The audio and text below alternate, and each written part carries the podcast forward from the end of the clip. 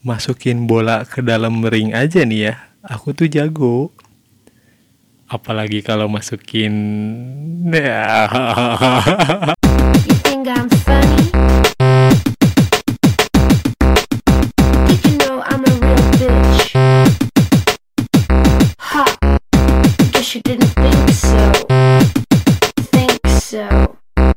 Selamat pagi, selamat siang, selamat sore, selamat malam, selamat kapan pun itu kalian mendengarkan podcast ini.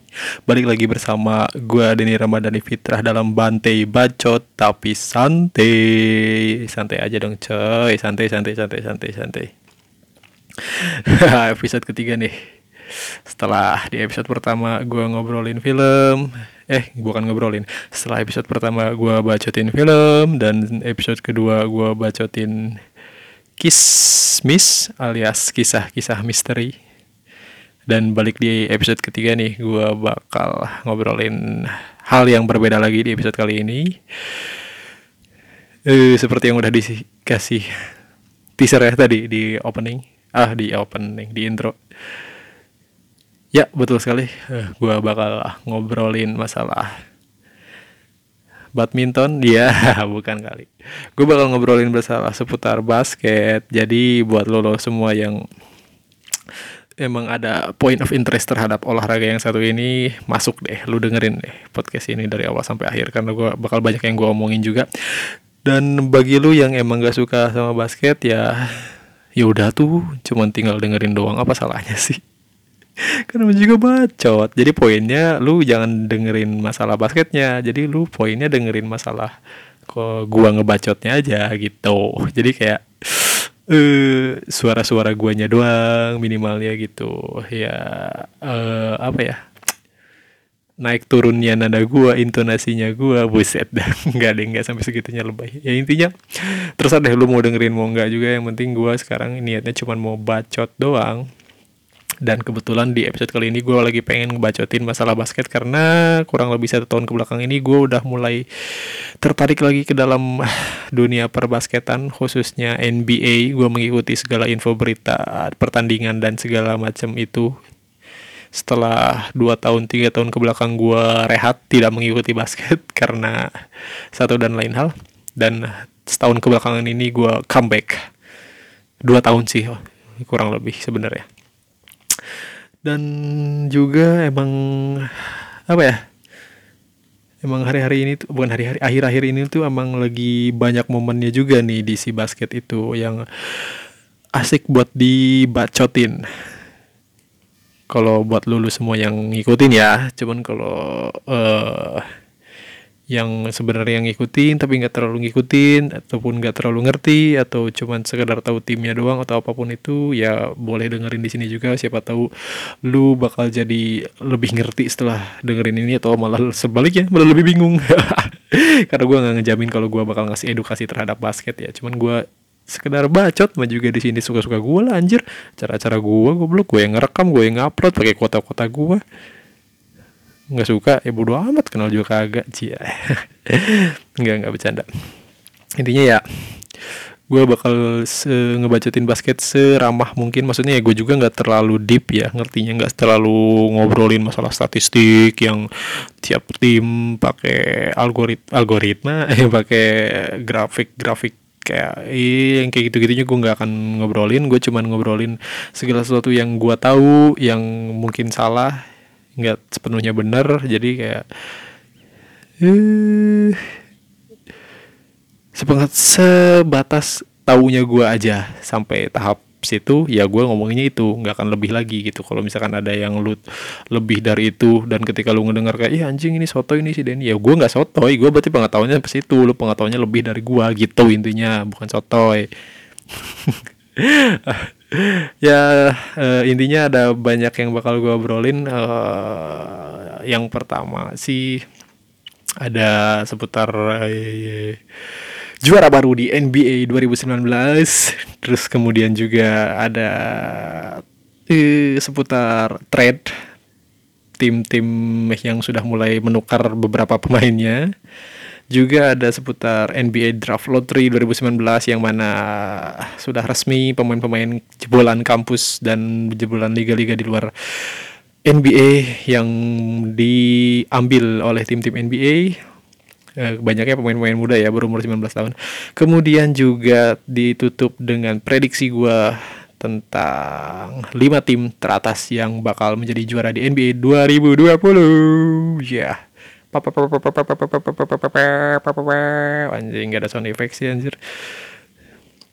Bodoh amat.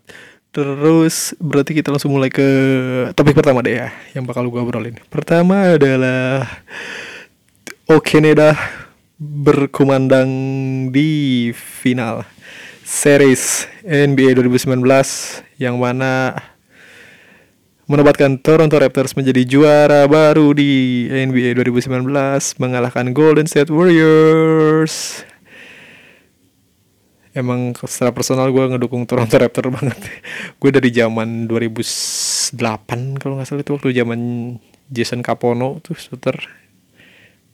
Eh, dia itu ikutan three point contest memakai baju Toronto Raptor terus ada Vince Carter juga kan yang slam dunk contest. Gue langsung di sana kayak anjir ini Toronto Raptor. Gue demen banget nih sama tim dari sana lah. Gue ngefans sama Toronto Raptor dan sampai sekarang baru ngerasain juara. Dan kalau dari sejarahnya Toronto Raptor ini terbentuk pada tahun 95 jadi sekitar 24 tahun. Memang baru tahun ini dia juara selama 24 tahun cuy. Lu bayangin tuh 24 tahun.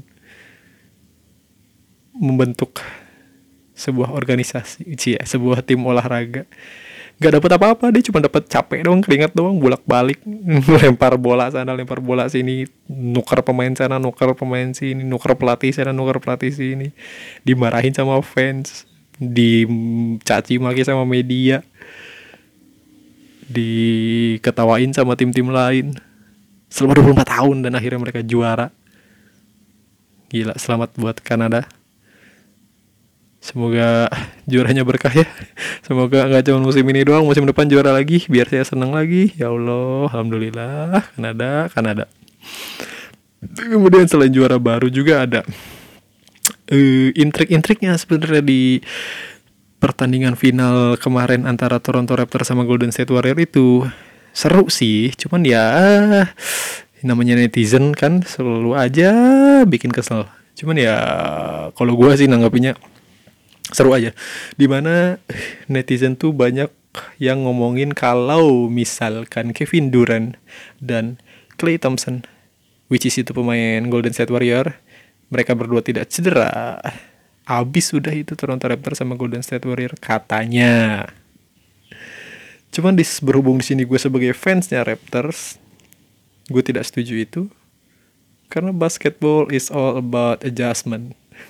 Apalagi pertandingan playoff ya 7 game dalam satu series? Kita nggak cukup bermodalkan satu pemain jago dua pemain jago tiga pemain jago. Kita bermain 7 seri satu gamenya itu kita ada 48 menit ada 4 quarter dibagi dikasih berapa time out kasih berapa fall kasih uh, kesempatan substitusi permain rotasi uh, gameplay, adjustment, match up, itu tuh hal-hal yang kayak gitu, men, yang menentukan uh, lu bakal menang atau kalahnya di kejuaraan. Lakin keberuntungan lu juga ketika lu shootnya wangi atau bau, gitu tuh hal-hal yang seperti itu juga menentukan lu bakal menang atau enggak. Enggak cuman satu atau dua pemain doang yang menentukan lu bakal juara atau tidak. Tidak semata-mata itu bro kalau kata gue ya. Cuman emang Kevin Durant itu emang pemain yang imba imbalance. Gila nih pemain jago banget mau dijaga satu orang dua orang dia shoot masuk. Dia drive. Kalau nggak masuk ya foul. And one lagi foul aduh ya Allah. Susah banget dia nyetu poin-poin ini. Emang cocok banget buat jadi MVP sebenarnya tahun ini ya. Cuman karena satu dan lain hal dia cedera terus karena emang banyak pemain-pemain lain yang naik juga jadi ketutupan Kevin Durant ya karena porsi pem bermainnya di Warrior harus dibagi bersama Steph Curry dan Klay Thompson jadi kayak uh, dia tidak termasuk ke dalam list MVP musim ini. Anyway tapi dia tetap aja ngebuktiin kalau sebenarnya dia tuh pemain terbaik NBA yang ada saat ini bahkan bisa bergabung ke dalam pemain-pemain terbaik jajaran pemain-pemain terbaik NBA sepanjang masa sih kayak Michael Jordan uh, Magic Johnson. Eh Magic Johnson terbaiknya sih. Nggak tahu lah Larry Bird eh Kobe Bryant, Kevin Durant, LeBron James maybe. Tapi ya itu di balik semua itu cedera-cedera yang menyebabkan banyaknya drama di luar lapangan yang menyebabkan juaranya Toronto Raptors itu agak sedikit banyak pro kontranya. Cuman gue di sini sebagai fans Raptors ya senang-senang aja. Lu bodo amat lu mau ngurusin drama-drama lu di luar terserah. Yang penting yang jelas juaranya adalah Toronto Raptors. Uhu, 2019 juara baru boy. Selain itu juga ada Kawhi Leonard yang gila banget di post season ini. Dia membuktikan bahwa dia bisa carry tim untuk menjadi juara dengan big claw dengan tangannya yang besar dengan ketawanya yang eh lucu. Lucu banget lu kalau mau searching coba ketawanya Kawhi Leonard itu lucu banget sumpah. Dengan dengan emotionlessnya dia boardman. Datar banget sumpah nih orang. Tapi bisa membuat satu tim juara itu kayak amazing banget walaupun di awal-awal dia masuk Toronto Raptor itu banyak banget kontraknya karena dia di trade bersama DeMar DeRozan. Yang mana DeRozan adalah pemain kesayangan Toronto Raptor tapi di trade dengan begitu mudahnya. Oleh Masai Ujiri demi Kawhi Leonard. Dan baru kerasa efeknya di akhir musim ini. Ternyata emang juara bahwa Kawhi Leonard tuh. Emang harus ada pengorbanan yang besar untuk mendapatkan juara dan terbukti alhamdulillahnya gitu. Seneng-seneng aja warga Toronto. Di paradenya pawainya rame-rame aja penuh. Di jalanan Tor- Kanada macet-macet juga gitu kan. Walaupun sakit hati karena DeRozan di trade Kawhi Effect salut. Banyak banget lah kejadian yang dibikin oleh sama Kawhi Effect eh Kawhi Effect Kawhi Leonard ini di satu musim buat Toronto Raptors dan ya eh, trade yang sangat brilian dari si Masai Ujiri which is ownernya Raptor. Dan selebihnya intinya ya eh, kesimpulannya untuk juara baru di tahun 2019 ini gua rasa emang pantas untuk Toronto Raptor karena emang ngelihat perjuangannya dia cara bermainnya dia adjustment yang dilakukan oleh pelatihnya trade yang dilakukan di injury time injury time yang di mana dia bisa bawa Mark Gasol untuk di trade bersama Jonas Valanciunas yang kayak gitu-gitu kan. Eh nggak nggak ngasal ya kayak gitu. Emang bener-bener bener-bener sistematis gitu yang kayak gitunya tuh dan eh, memiliki tujuan penting gitu. Dan tujuan penting itu untuk meraih juara dan bener itu kesampaian. Masai Ujiri emang brilian intinya ya congrats buat Toronto Raptors juara baru NBA 2019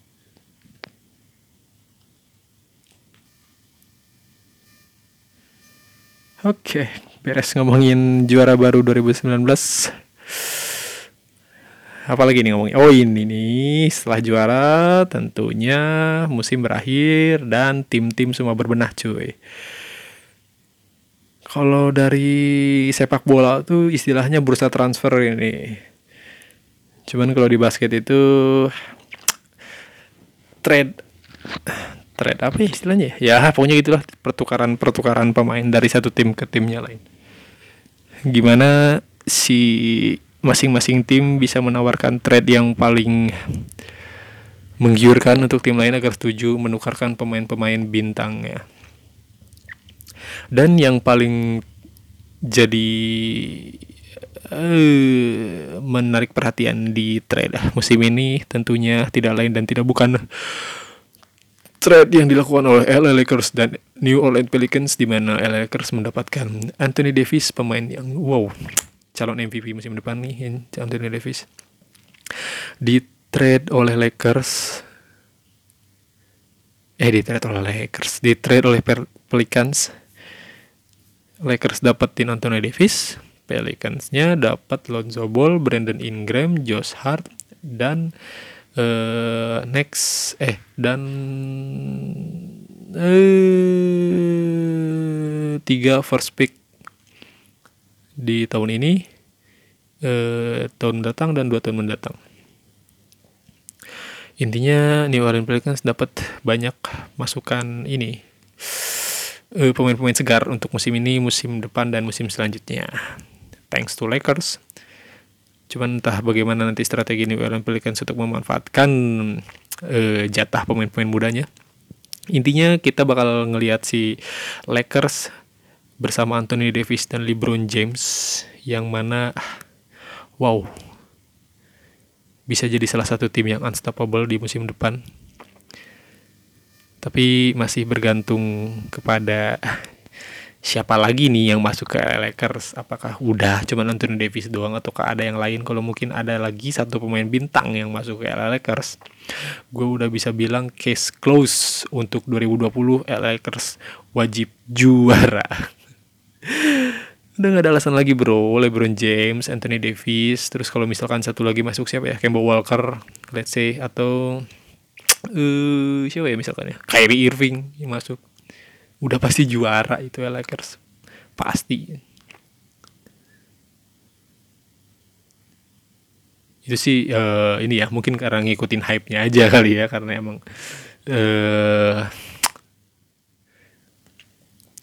di atas kertas emang skill Anthony Davis, LeBron James dan kalau misalkan masuk satu pemain bintang lagi ya udah itu bakal ngabisin semua tim-tim yang ada di uh, NBA kalau dilihat dari skill statistik dan uh, rekor personalnya. Selain itu juga trade selanjutnya ada Mike Conley yang dari Memphis Grizzlies di trade oleh Utah Jazz. Uh, Utah Jazz memberikan Joe Crawford, Kelly Korver, Allen, dan pick nomor berapa gitu ya pokoknya. Jadi kayak banyak banget lah dikasih si Memphis sama Utah Jazz demi Mike Conley. Kok sampai sebegitunya gitu untuk Mike Conley? Tapi nggak sebegitu juga kalau bagi gue karena emang Mike Conley seorang point guard yang top. Statistiknya bagus. Eh apa namanya kontribusinya bagus untuk Memphis dan bisa menjadi tambahan bagi Utah Jazz sebagai tim yang memiliki pemain pemain-pemain dengan kualitas defense terbaik di NBA. Setelah Donovan Mitchell dan Rudy Gobert yang mana dua pemain itu statistik dalam defense-nya gila banget. Terus sekarang masuk lagi Conley yang sama gilanya dalam defense. Ya udah ini apakah bakal menjadi Toronto Raptor musim depan? Karena Toronto Raptor juga kan musim kemarin menerapkan defensive play win the game. Apakah oh, Jazz akan seperti itu juga? Ya will sih ya, intinya bakal jadi uh, sebuah tim yang memiliki pola menarik ketika emang uh, Conley si Donovan Mitchell dan Rudy Gobert bermain dalam satu lapang patut untuk ditunggu. Selain itu, rumor an tentang Al Horford dan Kyrie Irving yang tidak akan memperpanjang kontraknya bersama Boston Celtics karena Kyrie Irving udah masuk free agent ya sama Al Horford ternyata menolak perpanjangan kontrak dan diminati oleh Dallas Mavericks, oleh Clippers sama apa ya satu lagi ya. Ya intinya paling gede dia ke Dallas Mavericks sih dikait-kaitkan ya Al Horford mantap juga tuh kalau Dallas Maverick udah ada Porzingis, Luka Doncic, Al Horford. Wow. Kemudian kayak Irving yang dikaitkan oleh Brooklyn Nets, sangat kuat dikaitkan oleh Brooklyn Nets. Mengancam posisinya D'Angelo Russell yang juga emang dikaitkan oleh Chicago Bulls karena diminati sangat oleh Chicago Bulls dan Minnesota Timberwolves. Cuman belum ada kepastiannya juga baru sekedar rumor-rumor yang beredar. Cuman kayaknya kalau misalkan Kyrie Irving itu kan sebenarnya dikaitkannya oleh Lakers, New York Knicks dan si Brooklyn Nets. Kalau misalkan jadinya ke Brooklyn Nets hmm.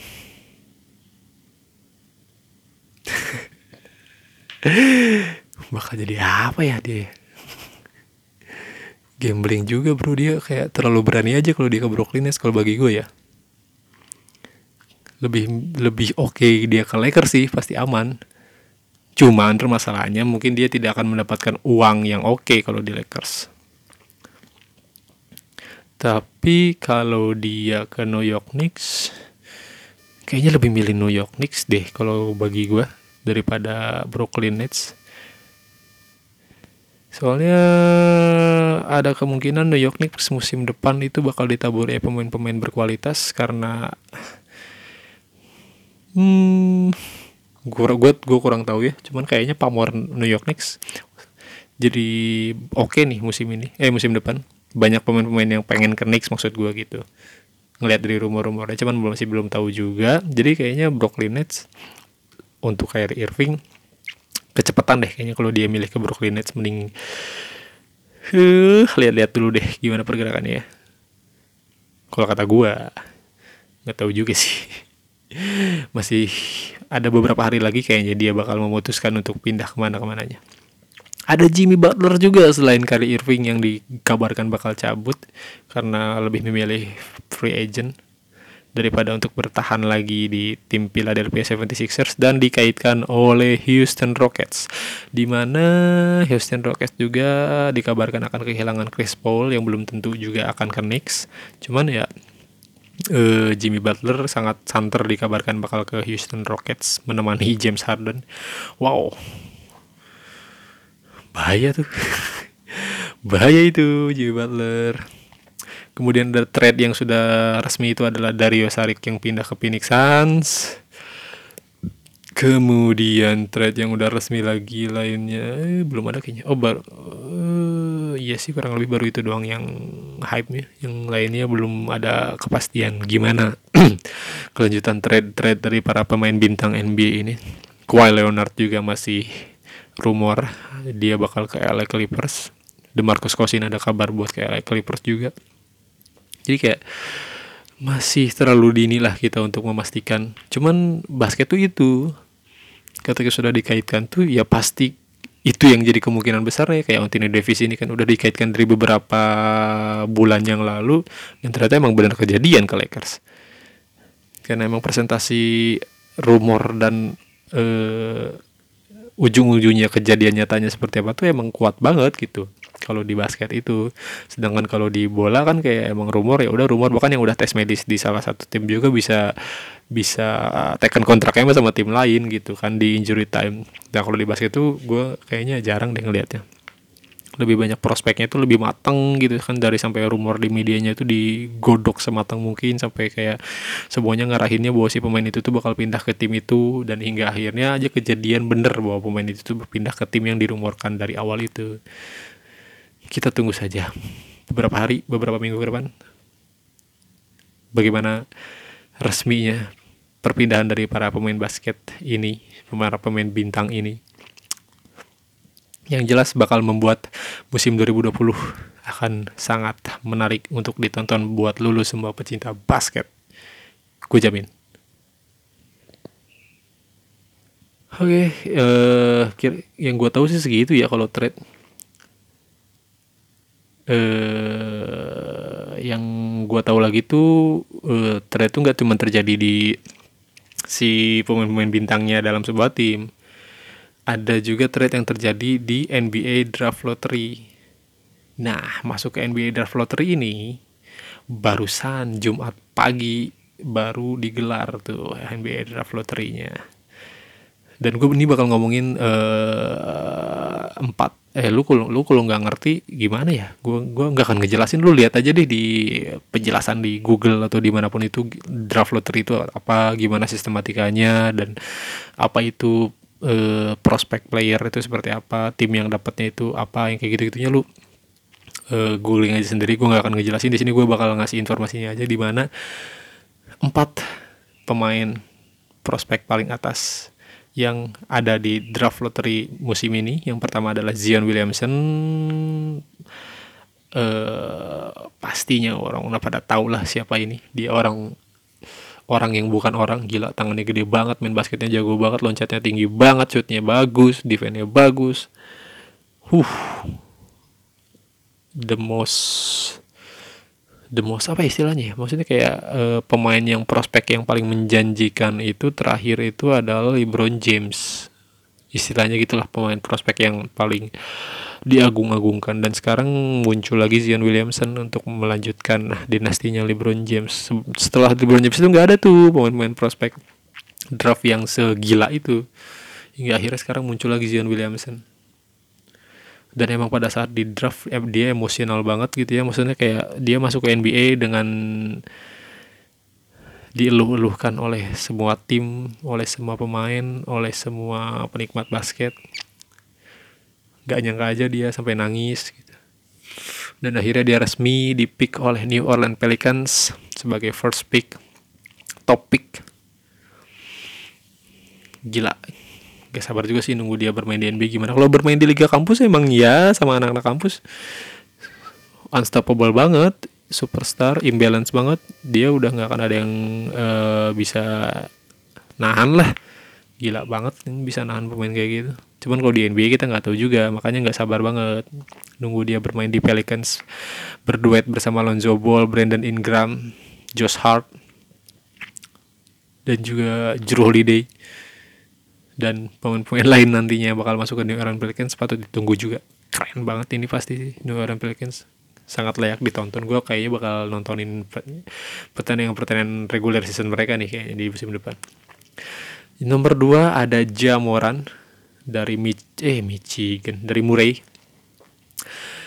Ini juga nih point guard yang wow. Point guard yang bisa ngedang. Gue suka banget sama point guard point guard yang bisa ngedang dan dia di pick oleh Memphis Grizzlies. Hmm, kayaknya emang buat menambal Conley ya si Jamoran ini Conley yang cabut ke Utah Jazz. Digantikan langsung oleh Jamoran. Kayaknya dia bakal mendapatkan menit ber- bermain yang sangat oke di Memphis Grizzlies. Sama seperti Luka Doncic di musim lalu kayaknya. Bakal mendapatkan menit bermain yang cukup banyak karena mungkin menutup Conley menggantikan Conley statistiknya oke. Eh one on one nya oke. Shootnya mantep. Itu left handed kalau nggak salah ya. Left handed gue sangat senang sama main left handed Zion Williamson juga left handed dan uh apa ya? Seorang point guard serba bisa lah. Jatuhnya bukan yang cuma shoot doang atau yang bisa nusuk doang langsung assist. Dia serba bisa lah. Jadi cukup berbahaya bagi tim-tim lain ini nih yang nanti bakal lawan Memphis Grizzlies. Selanjutnya nomor tiga ada RJ Barrett pemain favorit gua yang akhirnya dipick oleh New York Knicks dan dia sangat senang sekali karena dia emang sangat ingin bermain di New York Knicks. Ah, gua nggak akan banyak ngomong banyak lebar tentang si RJ Barrett takutnya malah ekspektasi yang ketinggian intinya ya lihat aja RJ Barrett musim depan bakal seperti apa. Dan di nomor 4 ada DeAndre Hunter yang dipick oleh Lakers yang menjadi jatahnya New Orleans Pelicans. Tapi di trade sama New Orleans Pelicans-nya sama pick nomor 8-nya Atlanta Hawks yaitu siapa namanya tuh? Haynes Haynes siapa yang namanya? Ah lupa lagi gua. Pokoknya itulah intinya empat orang yang tadi topik itu emang gila-gila banget sih. Gue yakin dia bakal berbicara walaupun gak berbicara banyak ya cuman bakal bakal mampu bersaing lah sama pemain-pemain senior. Karena emang lihat dari kualitasnya. Tapi kalau dari mental nggak tahu juga. Cuma dari kualitasnya gue sangat menjamin mereka berempat bisa bersaing di NBA bersama para senior. Will see. Tetap aja ujung-ujungnya will see. Karena gue bukan dukun tetap aja lihat nanti di musim 2020 nya bakal seperti apa. Banyak sebenarnya draft lottery yang bakal gue omongin cuman bentar nya kebingungan jadi cukup segitu aja untuk draft lottery-nya next kita bakal ngobrolin inti dari apa yang pengen gue sampaikan di bacot basket di episode ketiga ini yaitu adalah betnya gue alias taruh bukan taruhan. Eh prediksi gue terhadap eh, prediksi gue untuk lima tim teratas yang bakal mendapatkan juara di NBA musim 2020 karena emang di media-media luar, media-media Amerika udah ngeluarin sebenarnya. Eh lima odds, berlima odds, lima tim teratas yang bakal mendapatkan juara di musim 2020. setelah Anthony Davis pindah ke LA Lakers keluar itu langsung tuh peringkatnya yang nomor limanya itu kalau nggak salah siapa ya? Golden State gitu pokoknya ada Golden State ada Toronto Raptors ada LA Clippers yang keduanya tuh Milwaukee Bucks yang kesatunya adalah Los Angeles Lakers. Anthony Davis effect ya eh effect. Tapi gue punya prediksi yang berbeda prediksinya apa kita mulai dari nomor 5 menurut gue yang ada di peringkat 5 untuk mendapatkan juara di musim NBA 2020 adalah Philadelphia 76ers ini eh, persepsi gue pribadi sih karena gue ngelihatnya squad mereka starting line up mereka emang oke banget. Lima limanya bukan pemain kroco semua pemain bintang. Kalau Jimmy Butler nggak cabut ya jadi situ ada Jimmy Butler ada Ben Simmons uh, Joel Embiid Tobias Harris dan satu lagi JJ Redick. Wah gila. Gila bro. Ngeri itu cuman kurang pelatihnya doang aja nggak bisa memanfaatkan lima lima orang itu supaya bermain uh, taktikalnya oke. Okay. cuman tetap gue yakin musim depan dia bakal berbicara banyak nih orang-orang ini nih apalagi Joel Embiid sangat emosional saat kemarin kalah sampai nangis. Bertumpahan air mata jebleh parah jebleh HF gitu sumpah. Joel Embiid kasihan banget. Dan gue yakin bakal dibalas di musim depan Joel Embiid bakal bermain lebih gila lagi dari musim sekarang. Jadi menurut gue Sixers nomor 5 dan masuk ke nomor 4 gue beranggapan bahwa yang berada dalam posisi 4 untuk mendapatkan juara di NBA 2020 adalah Golden State Warriors. Kenapa di posisi 4? Ya, Kevin Durant cedera. Clay Thompson ACL, tornya kena. Walaupun dia udah sembuh, mungkin gak akan bisa langsung nyetel ya kalau kata gue karena cederanya cukup serius juga sih kalau kata gue itu lutut. Jadi tinggal menyisakan Stephen Curry dan Draymond Green. Kayaknya agak sedikit kewalahan cuman mentalnya mereka itu sangat kuat. Jadi gue masih bisa masukin mereka ke dalam daftar kan mendapatkan juara di NBA 2020 apalagi ditambah dia di arena baru nanti di musim depan udah nggak di Oracle lagi. Jadi mungkin eh mentalnya jadi semakin nambah naik lagi karena suasana baru. Jadi kayak ingin membawa kenangan indah juga mengawali kenangan indah juga dengan mendapatkan juara di arena baru kali ya. Jadi dan Steve Kerr juga uh, pelatih yang sangat berbahaya pelatih terbaik NBA kalau kata gue ya di tahun ini. Sehingga bisa uh, gue masukkan si Golden State Warrior ini ke urutan keempat menurut gue yang bakal mendapatkan juara NBA di tahun 2020 masuk ke nomor ketiga ada juara tahun 2019 yang gue masukin ke urutan ketiga untuk mendapatkan juara 2020 yaitu Toronto Raptors. Kenapa? Padahal kan gue fansnya Toronto Raptors cuman ya tetap gue realistis juga. Realistis dan harus nggak subjektif objektif aja mikirnya. Jadi gue tempatin dia di peringkat ketiga karena kemungkinan besar Kawhi Leonard cabut. Kemungkinan besar dia tidak akan berbicara banyak di ini trade ini musim-musim trade ini. Sampai sekarang masih belum kecium aroma-aromanya dia bakal membawa pemain siapa Toronto Raptors Cuman kenapa gue bisa masukin ke urutan ketiga kalau kayak gitu? karena eh karena Toronto Raptors memiliki Masai Ujri dan Drake. That's it. Selanjutnya ke nomor kedua. Peringkat kedua yang mendapatkan juara menurut gue. Aduh. Sorry itu sini ya. Gue bakal naruh Lakers di urutan kedua menurut gue. Soalnya Anthony Davis kayaknya nggak cukup untuk LeBron James membawa sebuah tim Lakers menjadi juara bro. Apalagi Rondo belum tahu juga bakal di resign ulang eh di resign oleh eh siapa tuh? Rob Pelinka. Agar bermain di Lakers lagi atau enggak. Sementara yang udah pasti itu ya cuman Kyle Kuzma doang dan yang lain-lainnya bukan pemain yang bisa disandingin sama LeBron James, Anthony Davis dan Kyle Kuzma. Jadi kayak ya untuk sampai detik ini gue masih belum bisa menempatkan Lakers di peringkat pertama. Kecuali kalau emang muncul satu pemain bintang lagi yang gak usah sekelas LeBron James sama Anthony Davis deh. Yang All Star tapi di bawah mereka juga nggak apa-apa. Cuman mempunyai jiwa playmaking yang oke. Nah ketika punya pemain seperti itu gua baru bisa yakin kalau LA Lakers bakal juara musim depan. Bakal gue tempatin di peringkat pertama. Cuman karena emang keadaan yang sekarang yang seperti ini jadi gue masih nempatin LA Lakers di posisi kedua.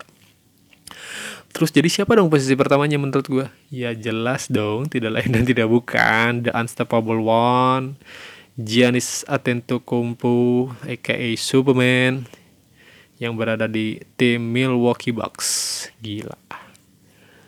Gila Milwaukee Bucks musim kemarin tuh kalah mental musim kemarin tuh. Pelatihnya terlalu banyak bacot di pinggir lapang tidak memikirkan adjustment per pemain tapi malah mikirin wasit sehingga banyak yang miss dari satu game ke game yang lainnya sehingga bisa dilibas oleh Toronto Raptor dan Giannis juga kesel ketika kalah sama Toronto Raptor dan dia eh, terlihat sangat ingin membuktikan di musim depan bakal memberikan hal yang lebih dari sekarang. Maksudnya yang dia kasih di musim kemarin juga udah edan banget dan dia terlihat akan memberikan yang lebih lagi di musim depan. Belum lagi Brook Lopez yang semakin padu shootnya, defense semakin bagus. Middleton yang belum tahu bakal bertahan atau enggak, tapi kalau bertahan, gue sangat ingin bertahan Milwaukee di Milwaukee Bucks supaya bisa turut membawa Milwaukee Bucks juara bersama Giannis Antetokounmpo, Malcolm Brogdon yang masih di Milwaukee Bucks yang mana sentuhan-sentuhannya dia tuh magis banget Malcolm Brogdon. Shootnya wangi terus. Drive-nya oke cuman kayak defense-nya agak sedikit longgar. Cuman ya bisa diasah lah itu. Intinya dan Bledsoe, aduh hampir lupa gue ngomongin. Bledsoe, Eric fucking Bledsoe penutup James Harden, penutup Steph Curry, gila defense-nya oke banget. Point guard yang bisa ngedang, badannya gede, bukan badannya gede, eh, ba tangannya gede banget, loncatnya tinggi. Wow, gue ngeliat kalau si Eric Bledsoe sama Giannis Antetokounmpo tuh jadi kayak ngeliat permainan-permainan NBA zaman-zaman 2008, 2009, 2007 gitu. Kalau sekarang kan eh, mayoritas shoot on three, shoot on three. Sedangkan lihat Bledsoe sama Giannis itu semuanya mainnya paint area terus, paint area, paint area, paint area. Tapi mereka main di tiganya juga bagus gitu.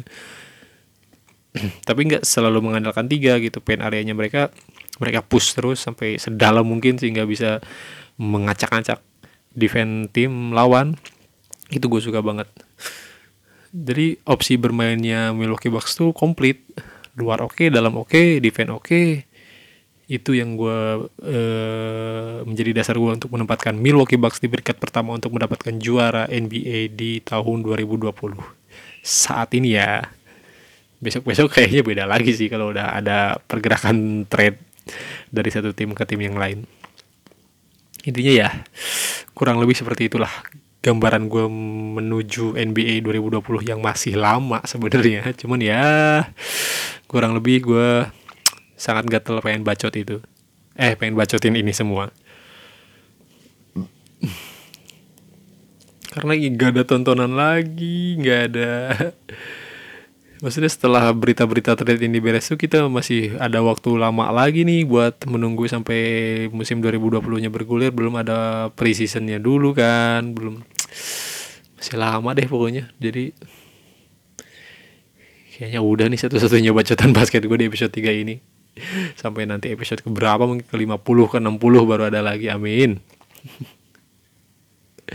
Tapi dibalik itu semua bisa ditonton juga Women NBA yang kompetitif juga itu. League juga itu kompetitif juga.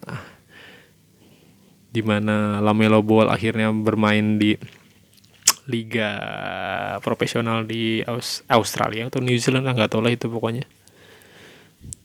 Pokoknya banyak yang bisa disaksikan juga sih selain NBA sebenarnya. Cuman tetap yang harus ditunggu tuh NBA tapi masih lama.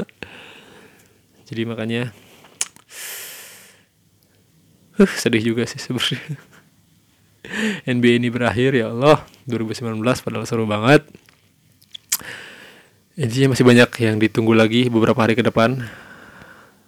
Khususnya adalah trade-trade dari tim-tim NBA kejutan-kejutan apa lagi yang akan mereka berikan. Berapa lagi duit-duit yang akan digelontorkan oleh para pemilik tim untuk mendapatkan pemain bintang berapa duit yang harus dibayar untuk membayar loya- loyalitas pemain? Anjing. Udah nggak ada loyalitas loyalitasnya lagi sekarang semuanya. Mikirnya duit duit duit juara duit juara duit juara. Kepintaran para pemilik klub kepintaran para pelatih dipertaruhkan di eh, masa-masa ini nih di masa-masa trading ini. Patut untuk ditunggu. Eh walaupun gak akan gue bacotin lagi kayaknya cuman di episode 3 ini doang karena emang gatel aja. Dan segitu aja untuk eh, podcast episode ketiga kali ini. Lo yang ngerti yang kagak bodoh amat eh, syukurin lah pokoknya yang penting. Gua udah bacot bacot bacot bacot tapi santai. Sampai ketemu di episode selanjutnya. Bye?